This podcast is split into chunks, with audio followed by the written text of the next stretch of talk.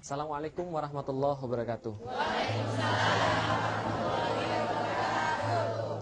Satu waktu sejarah mencatat bahwa ada seorang laki-laki dia mendatangi Rasulullah Muhammad sallallahu alaihi wasallam. Dia berjalan menuju Rasulullah sambil menunduk. Tidak berani dia menatap wajah Rasulullah apalagi matanya Rasulullah Muhammad sallallahu alaihi wasallam. Dan di kepalanya berkecamuk banyak sekali dosa-dosa yang telah dia lakukan.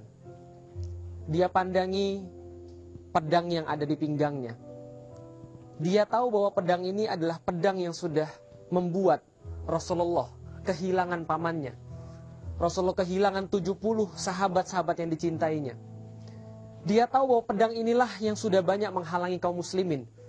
Pedang inilah yang telah banyak membunuh kaum muslimin.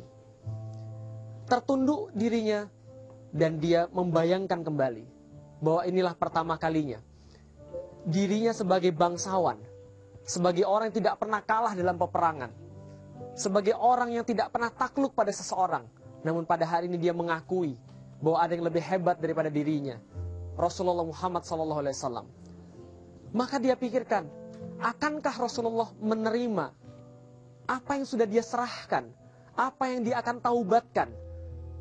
Maka tanpa pikir panjang, dia mengambil pedangnya dan dia serahkan pada Rasulullah Muhammad sallallahu alaihi wasallam. Lalu dia berkata, "Wahai Rasulullah Muhammad sallallahu alaihi wasallam, sesungguhnya dengan pedang inilah aku memerangi kaum muslimin. Maka aku serahkan pedang ini sekarang kepada engkau." Dia menanti jawaban Rasulullah. Dia berpikir apa yang akan Rasul jawab kepada dia. Ternyata Rasulullah mengambil pedang tadi, kemudian menyerahkannya lagi kepadanya. Wahai Khalid bin Walid, dengan pedang ini engkau memerangi kaum muslim dan dengan pedang inilah engkau akan membela Allah. Mulai dari saat ini engkau adalah Saifullah, pedangnya Allah. Khalid bin Walid adalah orang yang menjadi sebuah sebab kemenangan orang-orang kafir Quraisy tatkala perang Uhud. Waktu itu kaum muslimin kocar kacir dengan siasat yang telah diper, uh, yang telah diperbuat oleh Khalid bin Walid. Hancur lebur pasukan kaum muslimin. Rasulullah sendiri kehilangan gigi gerahamnya kemudian menancap bola besi di dalam pipinya Rasulullah. Kemudian 70 para sahabat syahid di medan Uhud. Tapi ternyata Rasulullah menerima pertaubatan Khalid bin Walid. Di dalam Islam, tidak semua orang dilahirkan di dalam cahaya.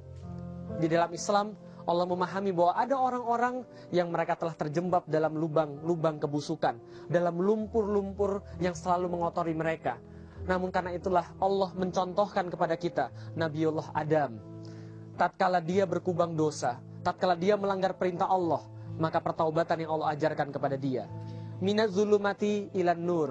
Dari kegelapan menuju sebuah cahaya. Maka seorang yang bertaubat tidak hanya dia meninggalkan kegelapan. Tapi dia menjadi cahaya bagi semua orang. Dan itulah yang dilakukan oleh Khalid bin Walid.